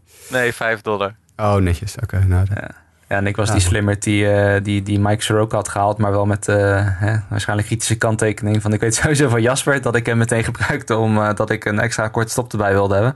Ja, omdat ik eigenlijk eh, niet echt interesse had in, in Soroka. Dan moet ik zeggen, Eh, gisteren tegen de Giants was de start geloof ik niet al te best. Dus eh, Ah, maar inderdaad in potentie, kijk, als de keeper league was geweest, hè, natuurlijk, dan zou natuurlijk. Soroka nooit voor Simeon traden. Maar ik, eh, ja, ik weet niet, het is een Brave ook en zo. Ik heb er gewoon niks mee. Ik dacht, nou, ik pik hem op en dan ga ik even kijken of ik Hans eh, kan overhalen om eh Simeon te traden. Dan, eh, Ik, ik zit geloof ik bij Justin op die bijrijderstoel in die Mets bandwagon die eh, voor plek 2 gaat. Ja, nou dat kan ook nog steeds. Die doen het ook heel goed. Soroka heeft echt drie fantastische fastballs. En een sinker, echt een ongelooflijke live van hem. Een Ja. two-seamer en een four-seamer. Het is echt, ik, keek, ik heb dan nu 9 innings even zitten kijken met Giants natuurlijk als Giants fan. Maar Soroka is indrukwekkend no matter what hoor. Dat, eh, hij werd nu geraakt, maar dat wordt echt een, eh, een ace, denk ik. Ja, zeker. zeker. Nou, ik vond hem niet, niet heel slecht gisteren. Het is inderdaad een, eh, een prima, prima... Hij is 20, kom op, geef die jongen even een Ja, break. dat weet is je ook wel. zo. Dat is ook zo natuurlijk. Eh, goed, dan blijven we nog wel even in die divisie, in die NL East, die dus verrassend spannend is. En nogmaals, komt dus omdat de Nationals het eigenlijk een beetje af laten weten. Komt misschien ook een beetje doordat Bryce Harper ja, nog niet helemaal los is gegaan. En eh, daarom besloot manager Dave Martinez hem laatst maar in de lead-off spot te zetten, Nick. Eh, en dat lijkt toch wat effect te hebben. Ja, nou ja, het, het is een beetje nou letterlijk 50-50. Hij- het- We zijn nu zes games onderweg met dit Mhm. experimentje. Ehm, drie keer van die zes keer is hij dus 0 voor 4 gegaan. Mm. Zonder walks. En die andere drie keer is hij maar liefst 6 voor 13 met 4 home runs, 9 RBI's en 1 stolen base. Ja, eh, ja, de Nationals, het is natuurlijk een experimentje. Ik denk dat het eh, binnenkort alweer klaar is met eh, Bryce in de lead-off. Je, Ja, je, Ik denk dat, het gewoon een, eh, dat het een poging is om hem een beetje warm te draaien weer. En Mm. je, wat, wat je ook echt verliest, is die intentional walks van hem. Hij komt zo vaak on base, maar dat, dat is nu gewoon veel minder. Omdat ze dus, nou ja, ze zien hem als eerst, dan ga je hem niet intentional walken. Wat Nee. normaal bij Bryce echt, nou, wel gewoon waarde heeft. Ja. Nou ja, ik denk dat het inderdaad een beetje een soort strategie is. Wat Jasper zegt, ik geloof dat... eh nou, er zat wel een heel ander soort speler natuurlijk. Anthony Rizzo bij de Cubs. Ja. Maar dat deed Joe Madden laatst geloof ik ook hetzelfde. Hè? Twee, drie wedstrijden in de lead-off spot. En toen... eh, ja, ik moet zeggen, sindsdien slaat Rizzo weer eh, wel, wel deukjes in pakjes boter, om het zo maar te zeggen. Weer wat home runs geslagen en dat soort dingen. Ja, denk dat het niet dat daarvoor is. Dave Martinez natuurlijk de rechterhand is geweest van Madden tien jaar Ja. lang of zo. Dus dit is inderdaad een, precies wat je zegt, een typische Joe Madden move. En dat heeft Martinez natuurlijk gewoon afgekeken van zijn oude baas. Ja, en ze, ze kunnen het natuurlijk ook wel goed gebruiken. Want nou ja, nogmaals, de Nationals vallen een beetje tegen. Hè. Ik bedoel ook, eh, als ik het even uit mijn hoofd goed zeg... ook bijvoorbeeld een Ryan Zimmerman vorig jaar heel hartstikke prima... maar toen nu toch weer teruggevallen dit jaar. Ja, maar dat we toch vorig jaar toch ook niet, jongens? Kom Nee, op. dat is heb ik zo. vorig jaar ook een paar keer gezegd. Het, is, het slaat helemaal nergens op. Die gast is vijf jaar lang niks waard. En nu ineens weer komt hij uit het niets. eh, is hij weer fantastisch. Dat, dat, Het is honkbal, hè? Ja, moet je nooit geloven. Dat is Ja, het, eh, Turner is natuurlijk ook nog niet helemaal zichzelf. De, de, Nee. de Eaton pitching- natuurlijk weer geblesseerd geraakt. Ja. Ja. Turner, die wil ik, daar wil ik voor traden in onze Fantasy League. Maar ik, eh, ik had al een paar deals op tafel gelegd eh, voor mezelf. Maar ik kan nog niet de trekker overhalen om... eh, volgens mij heeft Tim, heeft hem, hè, dacht ik. Ah, Tim gaat dat niet doen. Nee, ik had wel een paar goede deals voor hem neergelegd. Waar die nog wel over na mogen denken. Maar goed. Dus Tim, als je dit hoort, sta daar alsjeblieft voor open. Ja. Ja. Hou je telefoon in de gaten. Nee, goed. Eh, dan iets heel anders. We hebben het nu over allemaal hele goede teams gehad. En eh, Jasper, je had in het draaiboek iets gezet. Een beetje in het eh, kader van This Day in Baseball History. Eh, zeg maar. Want de Detroit Tigers, daar wilde je het over hebben. Maar dan wel de Detroit Tigers van 15 jaar geleden. Die eh, ja, waarschijnlijk nog wel iets slechter waren dan het Detroit Tigers team wat we dit jaar zien. Ja, is nou, dat is eigenlijk iets, iets, iets tussendoor wat ik echt dacht van... dat is misschien wel even kort interessant om een paar dingen te bekijken met z'n allen. Het is precies 15 jaar geleden dat de Tigers eh, 119 wedstrijden verloren in het seizoen. Dat is een van de allerslechtste honkbalteams uit de geschiedenis van, eh, van de moderne, het moderne honkbal. Eh, en eh, die, dat team begon 0 in 9. Dat ging daarna 1 uit 17. Dus die begonnen het, dat jaar eh, 1, uit, 1 in 26. 1 win, 26 losses. En dat, dat is, ja, daar kan ik me echt nu zelfs met, met de heel slechte starts van enkele andere AL Central teams, waaronder de Royals en de White Sox bijvoorbeeld, kan ik me toch niet voorstellen dat je 1 en 26 gaat. Dat is, dat is dan zo ontzettend dramatisch. En, los van het feit dat het wel interessant is om te kijken, maar dat gaan we niet uitgebreid besproken, bespreken nu in de show, want dat is veel te, veel te langdradig.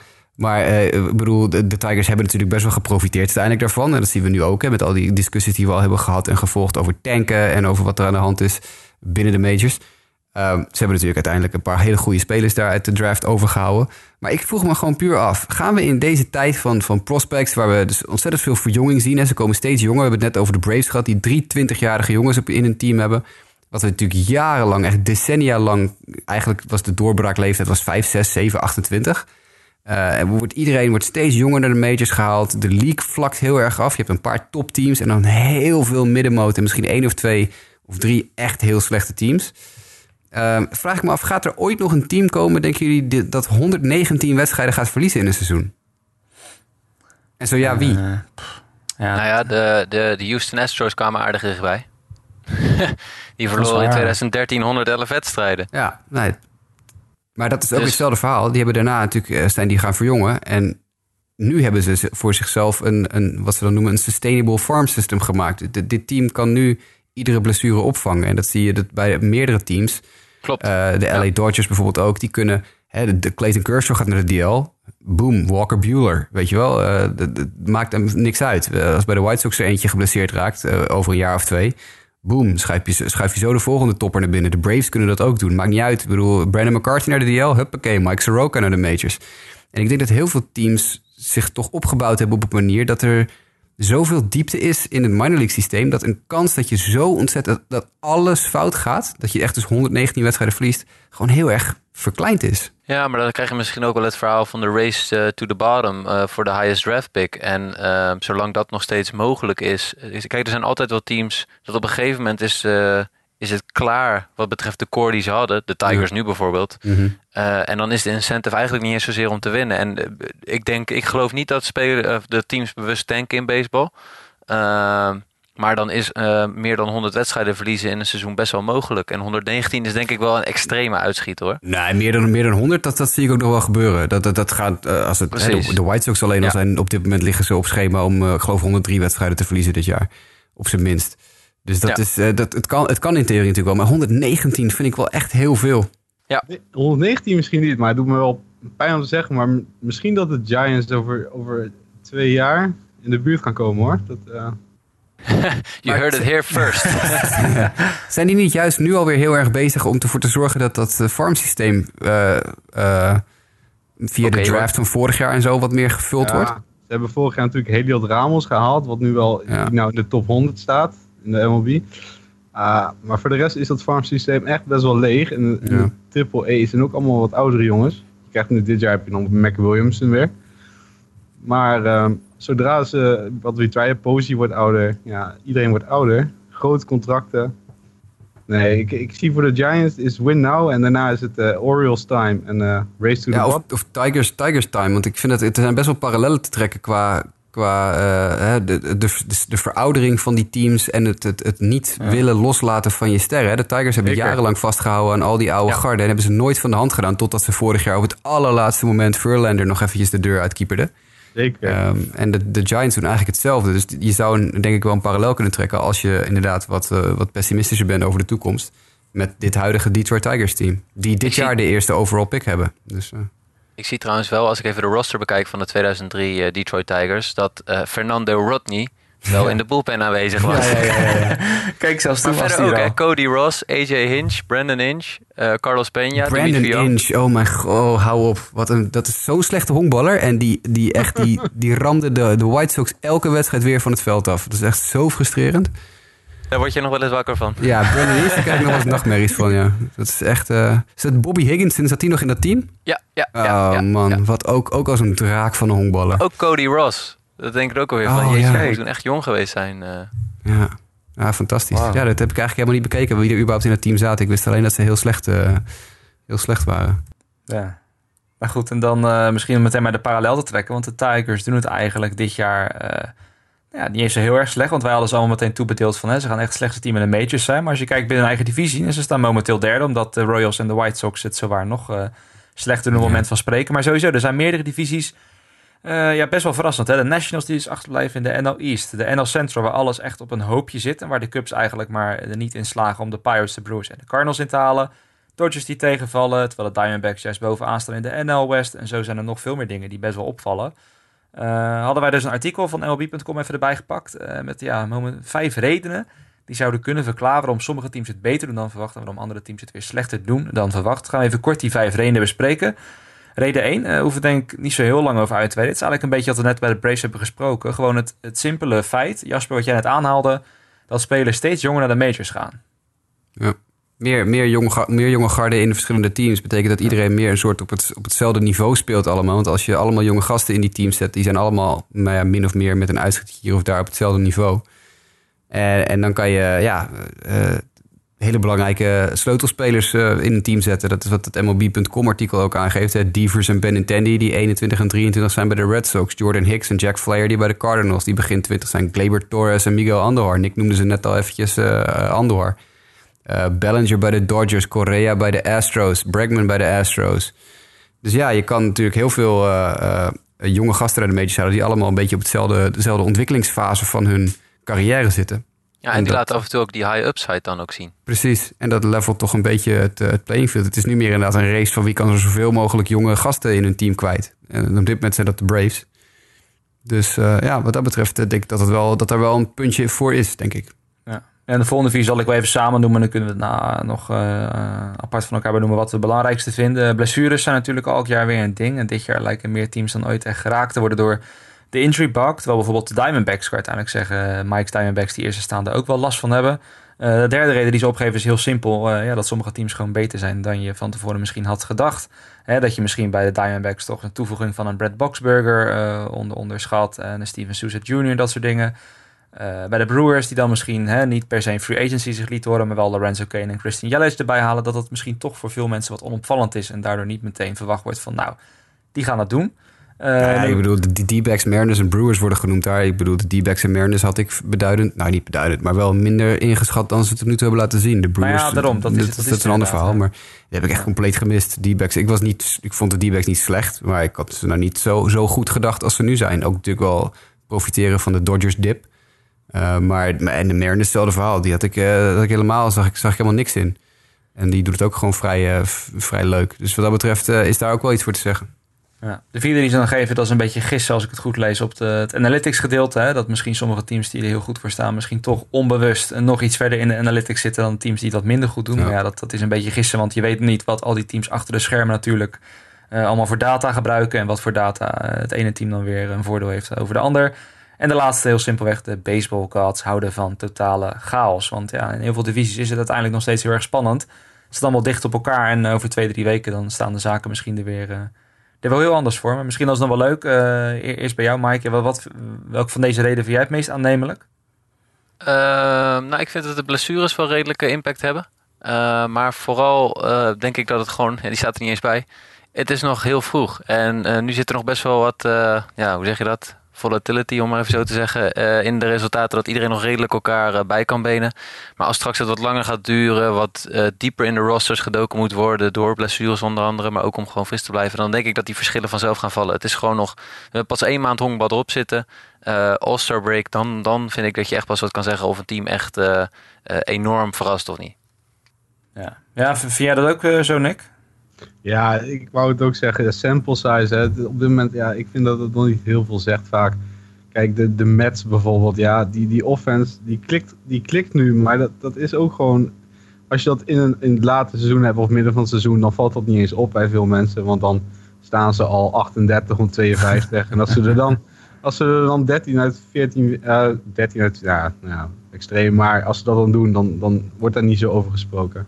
Kijk, ja, dat, dat hou je toch in een seizoen, denk ik.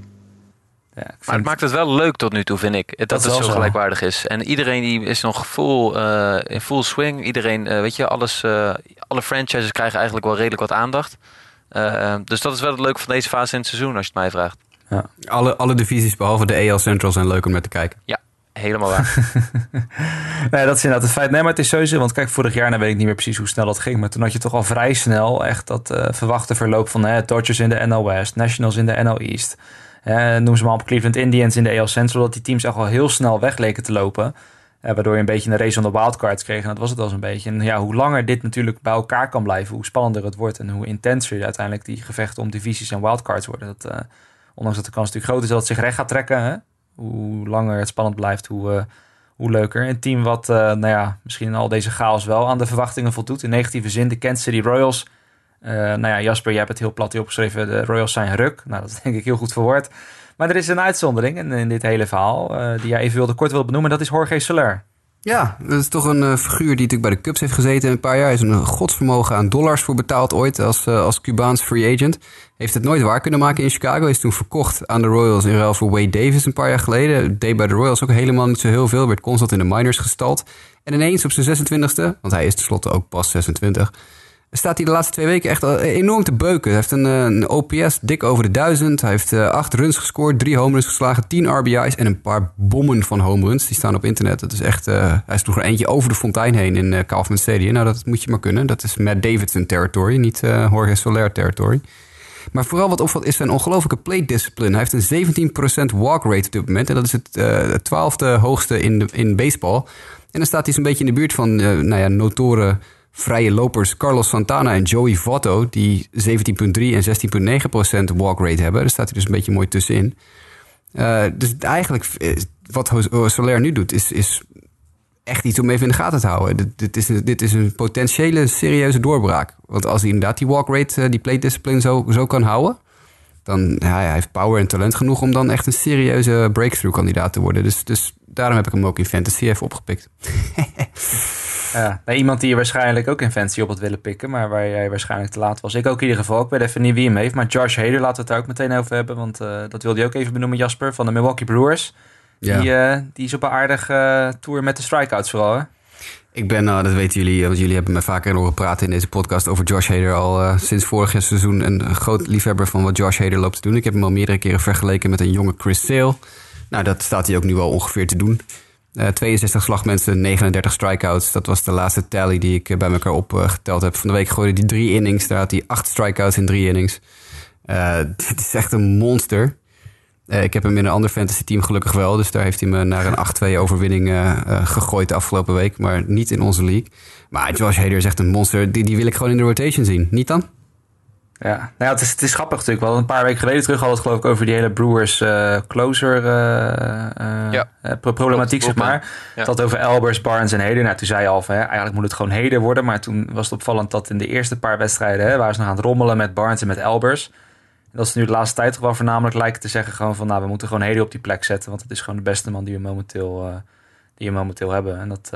Ja, dat is ook terecht. Ja, normaal volg ik jouw tips altijd op fantasygebied, maar hier was ik toch echt te laat. Uh, heel veel andere dingen was ik er op tijd bij, maar uh, hier... Uh, ja, nee, dit is, deze, gast, deze gast moet, als ze hem niet als closer willen gaan blijven gebruiken, is dit gewoon voor het eind van het jaar heeft hij, nou, als hij nog 10 starts maakt dit jaar, zou me niet verbazen. Want dit is eigenlijk gewoon, zeker nu ze aan het stretchen zijn, hè, hij gooit nu vaak 3, 3,5 inning. dat zou kunnen betekenen dat ze hem aan het uitrekken zijn als, om de rotation in te gaan, want die is niet zo goed. Nee. Overigens nog wat anders wat ik dan hierbij een beetje random erbij wil, wil pakken. Wat me gisteren ook heel erg opviel. Want ik zag sowieso een lijstje met strikeouts en uh, relievers. Nou, Heder stond erbij in de top inderdaad. Uh, qua strikeouts uh, met het aantal batters wat hij tegen is gekomen. Maar ook Adam Ottavino van de Rockies viel me daarin op. Die staat ook echt bizar hoog. Want die heeft ongeveer een gelijkwaardig percentage. Die heeft dan 67 batters tegen zich gekregen. En die heeft 35 strikeouts. Dus wel iets minder dan, dan Heders tempo. Maar vond ik ook wel opvallend. En die staat daarmee geloof ik tweede achter Heder. Uh, qua strikeout percentage van relievers die een aantal bepaald innings hebben gepitst. Uh, ja, ook wel opvallend om nog even te benoemen. Oh, ik heb een, uh, het schiet minuten binnen. Ik heb een verhaaltje over Adam Ottavino. En dat heb ik niet in de outline gezet. En we zijn al lekker over tijd. Maar ik ga het toch even vertellen, want ik vond het een hilarisch verhaal. Ik hoorde dat van de week op de radio. Dat was -hmm. volgens mij op 670 de score in Chicago. Barry Rosner van, van Hit and Run. Het is een heel leuk honkbalprogramma in het weekend. Podcasts zijn te downloaden. Dus als je daar zin in hebt, Hit and Run met Barry Rosner, moet je zeker luisteren. Uh, die had het over Adam Ottavino. Die uh, afgelopen offseason uh, nog geen gooipartner had. In, hij, hij, woont blijkbaar in het offseason of zo. Woont hij op Long Island of in de buurt van New York. Die had aan Matt Harvey gevraagd of hij afgelopen, of die in het offseason eventjes zijn gooimaatje wilde zijn. Want die jongens die zoeken toch gewoon een gooimaatje op. En je hebt dat filmpje misschien wel gezien op internet. Dat Scherzer stond warm te gooien met Jacob de Grom, Noah Syndergaard. Een van die twee Mets-jongens in Central Park. Dus die werpers zoeken dan een, een gooimaatje om het offseason mee door te komen. Hij had Matt Harvey gevraagd, maar Matt Harvey zei: Wie ben jij? Ga weg. Want Matt Harvey is een ongelooflijke lul, hebben we al uh, vastgesteld eerder vandaag. En toen dacht uh, Ottavino, wat moet ik dan doen? Nou, weet je wat? Dan koop ik een oud hamburgerrestaurant, een oud leeg hamburgerrestaurant op Long Island. En dat heeft hij om laten bouwen tot zijn eigen persoonlijke sportschool. Uh, waar hij dus het hele offseason lekker een beetje getraind en gegooid heeft. En dan kon hij gewoon alles doen en laten wat hij wilde. En eh, dat heeft hem, ik geloof nu wel 2 mijl per uur extra op zijn fastball opgeleverd. En zijn beste seizoen uit zijn carrière tot nu toe. Dus zijn beste hoogste strikeout rate wat jou aangeeft en dat soort dingen meer. Ja. Dus dan zie je maar dat ook het wegblijven van Matt Harvey een positief effect kan hebben op andere werpers. Ja, nou dat is alleen maar mooi om te horen. Nee, want ik heb hier trouwens een lijstje voor me. Hader staat inderdaad best wel ver bovenaan. Dat illustreert maar hoe eh, dominant hij momenteel is. Aldavino dan op, eh, op 2 met 32 strikeouts. En dan staat Edwin Diaz, de closer van de, van de Mariners. Die staat op 3 met 31, vlak voor Chapman met 30. Uh, Maar ja, toch in dat rijtje is dan hè, in dat Hader up and coming. En ook wel heel erg indrukwekkend dat hij dus nu al gewoon ver bovenaan dat lijstje staat. Het verschil met Aldavino is dus schijnbaar, volgens deze meneer, John Becker nu al 11. Uh, hij staat dus met 11 strikeouts hoger dan Aldavino op de eerste plek onder relief pitchers. Dat zegt heel veel over wat Josh Hader momenteel uh, aan het doen is. We gaan even snel door de laatste indrukwekkende dingen. Oké, okay, laten we dan nog heel kort ook bijvoorbeeld even die Dodgers Combined No-No benoemen. Uh, zal ik hem eerst jou geven, Mike? Uh, ja, waarin ook Walker Bueller meteen van zich liet horen. Nee, ja, ge geef, hem, geef hem eigenlijk maar gewoon aan Nick, want het is zijn moment van de week. Oh ja, tuurlijk, tuurlijk. Ja, dat ik was even met jou in de war, hè? Mike, Nick. Het lijkt eigenlijk totaal niet op elkaar, dus ik weet niet waarom ik dit zeg. Nee, inderdaad. Vijf minuten geleden ook al hoor. Toen zei ik ook al een keer Nick dat ik Mike bedoelde of andersom. Dus dat... Precies, precies. Even wennen dit hè. Maar nee, Nick, uh, inderdaad voor jou. Uh, het was wel jouw moment van de week, maar laat nog even kort benoemen hoe indrukwekkend dat was. Ja, ja kijk, een Bueller, dat, dat, dat, las ik dan vanmiddag, hè, want dat besefte ik allemaal niet. Maar hij is dus in 2015 pas gedraft en hij heeft daarna nog een Tommy John ondergaan. En dan is hij nu 23 jaar oud en dan gooit hij al zes scoreless. Ja, acht strikeouts. Het is gewoon heel indrukwekkend wat deze jongen laat zien. Maar dit is dus gewoon Tommy John surgery achter de rug. Het is, het is uh, ja, de toekomst misschien wel. Kijk, ze hebben natuurlijk die, die andere jongen, uh, Julio Urias. Urias. Ja, de Dodgers hebben echt een gouden toekomst met, met de pitching. Ik denk toch dat, uh, dat voor de komende jaren... Kijk, het is nu spannend in NL West, ofwel de DL West.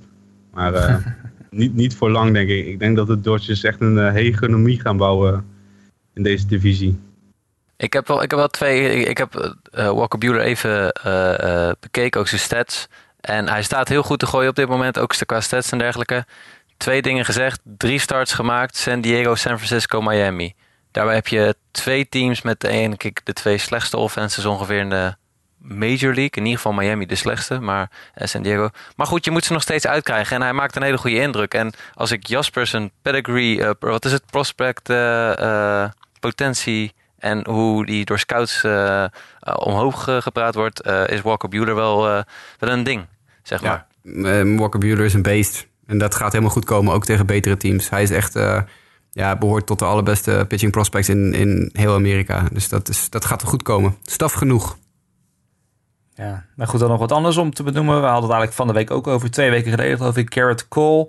Uh, die was toen al hartstikke goed bezig. En eigenlijk is het nieuws dat hij nog steeds hartstikke goed bezig is. Want uh, ja, van de week uh, 16 strikeouts, Jasper. En uh, dat was het hoogste aantal tot nu toe dit jaar, toch?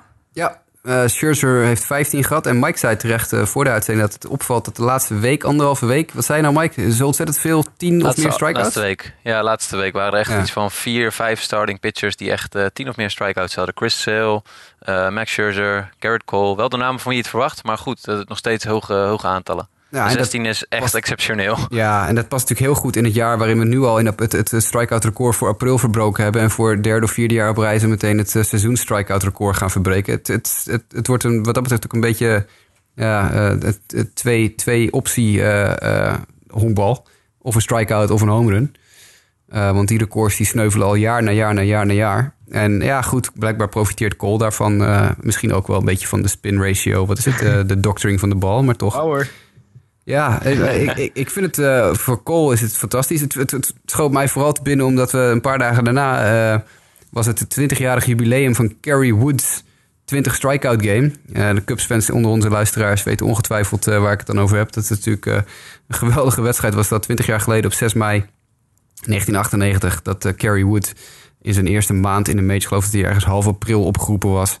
En, uh, en toen 20 strikeouts gooide tegen een Houston Astros team... waar wij net achter kwamen dat nog eigenlijk best heel goed was. Dat was tegen een... Uh, want in eerste instantie zeiden jullie van... Uh, ja, ja, was dat de Rockies of zo? Of een of ander matig team? Nee, nee, het waren de 102-win Houston Astros uit 1998. Best een goed team met Brigio en Bagwell en, en Osmus en Alou en noem maar op. En toen knalde Kerry Wood dus even 20 strikeouts. De laatste werper die 20 strikeouts haalde. Eh, dat was eh 20 jaar geleden van de week. Dus ook dat is even het, vermoeden, het, het vermelden waard. Want eh, dat is nog steeds een van de allerdominantste pitching performances die ik ooit gezien heb. Ik heb het natuurlijk niet live gezien, want in 98 hadden we nog geen streaming baseball. Maar het staat wel keurig allemaal op YouTube, die hele wedstrijd. Dus die kan je gewoon terugkijken. Eh, voor de gein even doen. Het, eh, wat wel opvalt is dat de, de scheidsrechters ongeveer elke bal zes inches buiten de plaat ook nog slag- slag callen. Maar eh, dat waren andere tijden, zullen we maar denken. Dat is, eh, dat is een ander verhaal. Maar Kerry Wood was echt...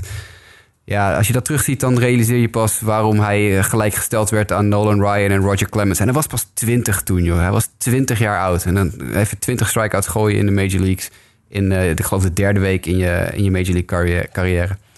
Carrière. Ehm, Allison Footer en Carrie Muscat van MLB.com schreven van de week een geweldig artikel met z'n tweeën daarover. Dus dat is ook de moeite waard van het opzoeken op MLB.com. Allison Footer is de beatwriter van de Astros en Carrie Muscat van de Cubs. Ehm, dus zoek het even op. Carrie Woods epic eh strikeout-wedstrijd. Hoogste gamescore aller tijden voor Scherzer, Kershaw, Kane, Nolan Ryan, Sandy Koufax en Nap Rocker. Dus eigenlijk gewoon de beste pitching performance aller tijden. Ja, ja, ik heb hem zelf helaas nooit in zijn hoogtijdagen kunnen zien spelen. Maar het is inderdaad wel heel erg eh, indrukwekkend. Want natuurlijk al die highlights zie je dan terug. En dat is echt eh, ja, ongekend. En nog even het laatste wat ik over Cole wil zeggen. Is dat het ook wel heel erg opzienbarend. Dan is eh, om te zien hoe zijn strikeouts per 9 innings. want zijn huidige record stamt uit 2014. Het persoonlijke record op 9 strikeout per 9 innings. En hij staat nu op 13,7. Zou dus zijn persoonlijke record... Nou ja, dat zou hij dus gaan verpulveren met 4,7 strikeouts in dit tempo. Dat is wel echt heel bizar. Eh, en verder trouwens, wat ik nog tussendoor even kort wilde benoemen... voordat we gaan beginnen aan eh, het Matt Harvey-blokje. Om het nieuwsblokje mee te eindigen. Harlan Garcia hij heeft nog steeds een ERA van 1,09 Jasper. Dus het... eh, ja, je, je zei het van de week, het gaat een keer instorten. Maar voorlopig... Laat het nog even op zich wachten. Harlan Garcia die is gewoon nog steeds de ace van de Marlins in dit tempo. Hij staat Ik, misschien niet ik wacht het rustig af. Het, eh, het, ga- het, gaat nog houden- wel komen. We houden gewoon de weekly Harlan Garcia watch erin. Ja, eh, dat is goed. Maar nu dus 1.09 ERA. En nog steeds bij de top van de majors in dat opzicht. Dan tot slot, eh nou goed, wel het aan het begin van de show, daar had ik het erover. eh, over Matt Harvey en het afscheid, wat de Mets van hem waarschijnlijk gaan nemen. Eh, heb ik al een beetje uitgelegd, ja, het zit er inmiddels wel een beetje aan te komen. Hij heeft gewoon geen waarde meer. Hij heeft geloof ik op het moment van opnemen een ERA van 7.00. Als starter werkt het niet meer, vanuit de bullpen werkt het niet meer. Het is natuurlijk ook vaak een beetje een probleem geweest met, eh, nou ja, hij houdt nogal van het leven, hè, om het zo maar te zeggen. Hij wil nog wel eens uitgaan. En ook vooral in het begin, nou ja, toen hij het goed deed, konden mensen dat wat beter pruimen als hij weer eens eh, met, een, eh, met een mooi meisje naar een ijshockeywedstrijd ging. Maar ja, tegenwoordig, als je niet presteert, dan is vooral New York wat dat betreft niet echt de juiste stad om wat in te doen.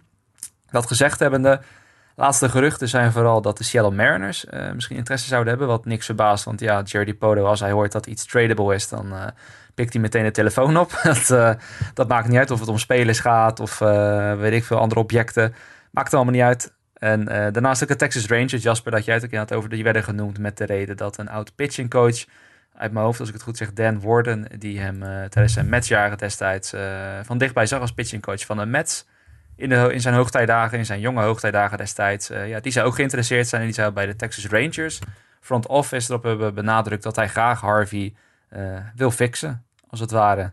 En eh, de Rangers zijn misschien in dat opzicht wel een, een goed team, omdat ze eigenlijk nergens om spelen en het seizoen al een beetje, vooral in die vrij sterke divisie, richting de verloren kant gaat. Ja, aan de andere kant, misschien dat ze het. Ja, ik denk niet echt meer dat het te fix is. Ik weet niet wat jullie kijk erop is. Ik denk dat het gewoon einde verhaal is, helaas. Hoe treurig het ook is. Want ja, als, als we bij de Mets. Ik weet het niet, het is gewoon heel gek. Ik weet niet, zou het ergens anders lukken? Wat denken jullie? Ik wil het wel een kans geven, maar wat je vaak ziet eh, is dat het dan eh, komend seizoen en volgend, of dit seizoen en komend seizoen waarschijnlijk iets van drie of vier teams worden en dat het dan eh, klaar is.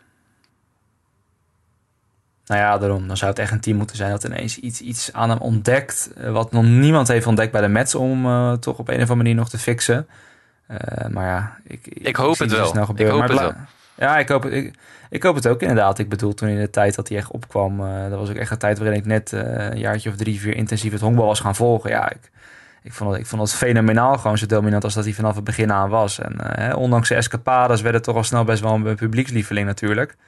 Maar ja, dat is daarna in rap tempo afgenomen. Ik En, moet denken aan Dontrell Willis, wat dat betreft. En dat is wel een naam die mij opkomt. Ja. Dat ik denk van ja, die was ook in de eerste jaren echt geweldig. En, eh, en die is toen ook, eh, ja, toen moest hij op een, eh, toen werkte het op een gegeven moment niet meer. En toen is hij naar andere clubs gegaan en eigenlijk nooit meer het niveau gehaald wat hij ooit had. Ja, Nee. zo be it. Nee. Nou ja, klopt inderdaad. Het is inderdaad wat het is. Daarmee sluiten we het, het ja, toch wel uitgebreide nieuwsblokje af. Er was veel te vertellen deze week, Mike. En dan mag jij nog het nieuwsblokje afsluiten met de laatste nieuws en notes op het medisch Ja, gebied. laten we het heel kort houden, want we lopen qua tijd al best wel uit. En eh, er is heel veel gebeurd in blessureland. Maar laten we de meest opzienbarende blessure als eerste benoemen. Dat is de blessure van Yadi Molina. Ik weet niet of jullie het gezien hebben. Eh, maar de beste man eh, kreeg een, eh, een pitch van, ik geloof, ik weet, was het Hicks die de bal aanwierp? Met 102 mijl per uur, die geraakt werd licht door de slagman. En die, belaat, die bal belandde op een plek waar je hem liever niet hebt.